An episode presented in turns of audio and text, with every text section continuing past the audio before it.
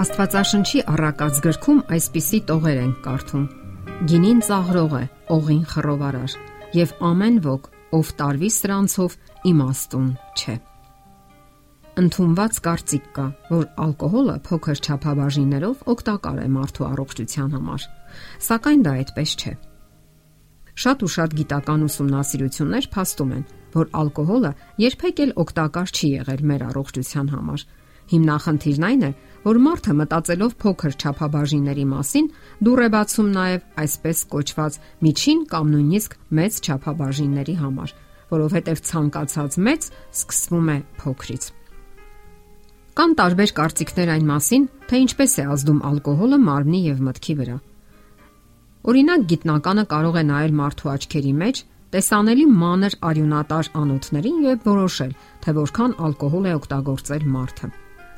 արյունատար անոթների սոսնձված եւ ոչ ակտիվ բջիջները ահազանգում են վտանգի մասին։ Ալկոհոլի օգտագործումը կրճատում է թթվասնի մուտքը դեպի ուղեղ։ Մարդկային ուղեղի բջիջները քայքայվում են անբավարար թթվասնի պատճառով,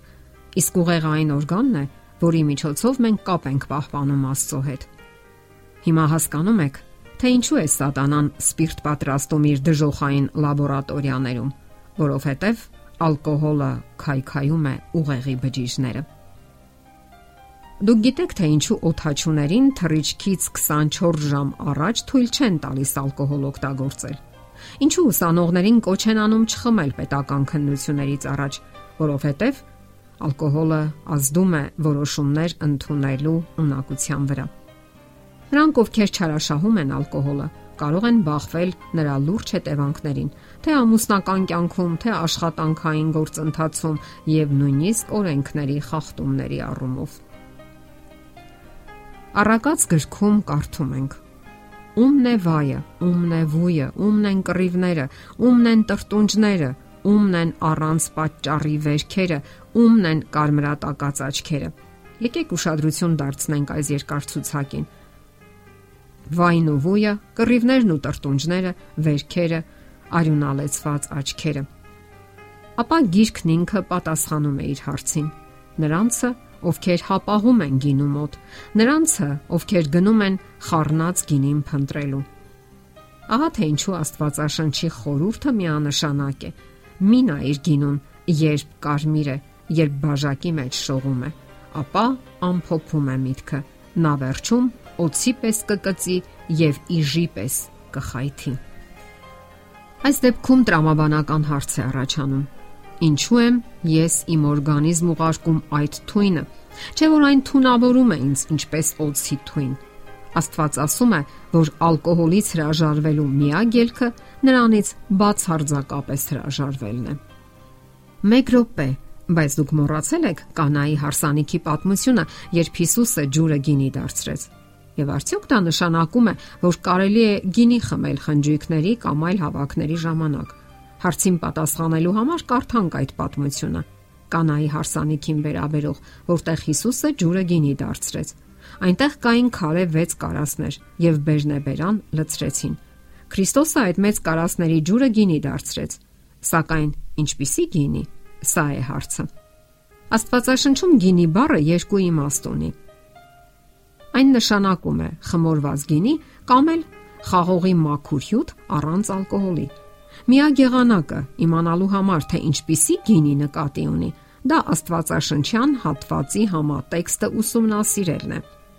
Եսայայի մարգարեության մեջ կարդում ենք. Ինչպես որ մի ողկույզի մեջ երբ գինի է գտնվում, ասում են. մի փչացրու դա, որովհետև օրհնություն կա դրա մեջ։ Ահա սա այն գինին է, որն Աստվածաշունչն անվանում է թարմ կամ չխմորված գինի, այլ կերպ ասած՝ հյութ։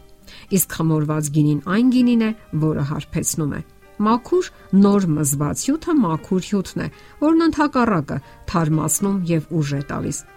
Այսպես ուրեմն, որ գինին ստեղծեց Հիսուսը։ Եկեք այսպիսի հաշվարկ անենք։ Այդ հարսանիքում նա մեծ քանակությամբ գինի ստեղծեց Հովանեսն ասում է, որ այնտեղ 6 մինչև ծայրը լցված կարասներ կային։ Առաքյալը հաշվում է անոթները, որոնցից յուրաքանչյուրը տեղավորում էր 90-ից 135 լիտր։ Այսինքն ստացվում է 545-ից մինչև 820 լիտր գինի։ ուրեմն տասնյակ, եթե ոչ հարյուրավոր մարդիկ կարող էին կատարյալ հարբած լինել։ Այդքան գինին բավական էր, որ այնտեղ գտնվող բոլոր մարդիկ խմեն ու հարբեն։ Դուք պատկերացնում եք, որ Քրիստոս այդպիսի հսկայական քանակությամբ խմորված գինի ստեղծեր։ Կարող էր արդյոք Հիսուսը այնքան գինի ստեղծել, որ գյուղի ողջ բնակչությունը հարբի։ Անկասկած ոչ։ Աստվածաշունչը ցույց է տալիս, որ Հիսուսի ստեղծած գինին խաղողի մաքուր անապական հյութ էր, իսկ խնջույքի ղեկավարն անգամ չգիտեր, որ Հիսուսը ջուրը գինի է դարձրել։ Երբ նա փորձեց այն կանչեց փեսային։ Կարդում ենք գրքում. Ամեն մարդ նախ լավ գինին է մատուցում եւ երբ հարբում են այն ժամանակ վատը, իսկ դու լավ գինին մինչև հիմա պահել ես։ Հիսուսը ջուրը հարբեցնող գինի չդարձրեց, որ մարդկանց հարբեցնի։ Դա բացառվում է։ Աստվածաշունչն ասում է, որ նա լավ գինի ստեղծեց։ Իսկ ո՞րն է լավ գինին։ Չխմորված գինին։ Մեր Տերը այնպիսի գինի ստեղծեց, որ նման էր թարմացնող եւ ամրապնդող ուժերը վերականգնող ըմպելիքի։ Այն չէր քայքայում նաև բանականությունը, զրկելով հստակ մտածելու ընտունակությունից։ Հիսուսը երբեք չէր ստեղծի մի այնպիսի բան, որը նույնիսկ 1 վարքյան անգամ մարդուն կզրկեր վերահսկելու ընտունակությունից, Ահա թե ինչու Աստված մեզ կոչ է անում հստակ ու մաքուր պահել մեր գիտակցությունը, պատրաստվելով Քրիստոսի երկրորդ գալուստին։ Դե ինչ, պայքարենք ազատագրվելու մարմինն ու միտքը քայքայող այդ վնասակար սովորությունից եւ ազատ լինենք։ Իսկ ազատ լինելու միայն մեկ եղանակ կա։ Դա մարմինը Հիսուսին հանձնելն է եւ խնդրելը, որ նա ուշ տա հաղթելու գայթակղություններին Որքան էլ ուժեղ լինի մեր պայքարը, ծնկի գանք Աստծո առաջ եւ խնդրենք, որ նա օգնի մեզ ազատ ագրվելու կախվածություններից։ Պայքարը գուցե սարսափելի լինի, սակայն Տերը ավելի ուժեղ է եւ նա հրաշքներ է գործում այն մարդկանց համար, ովքեր վստահում են իրեն։ Եթերում ղողանջ հավերժության հաղորդաշարներ։ Ձեզ հետ է Գեղեցիկ Մարտիրոսյանը։ Հարցերի եւ առաջարկությունների դեպքում զանգահարեք 094 08 2093 հեռախոսահամարով։ Հետևեք մեզ hopmedia.am հասցեով։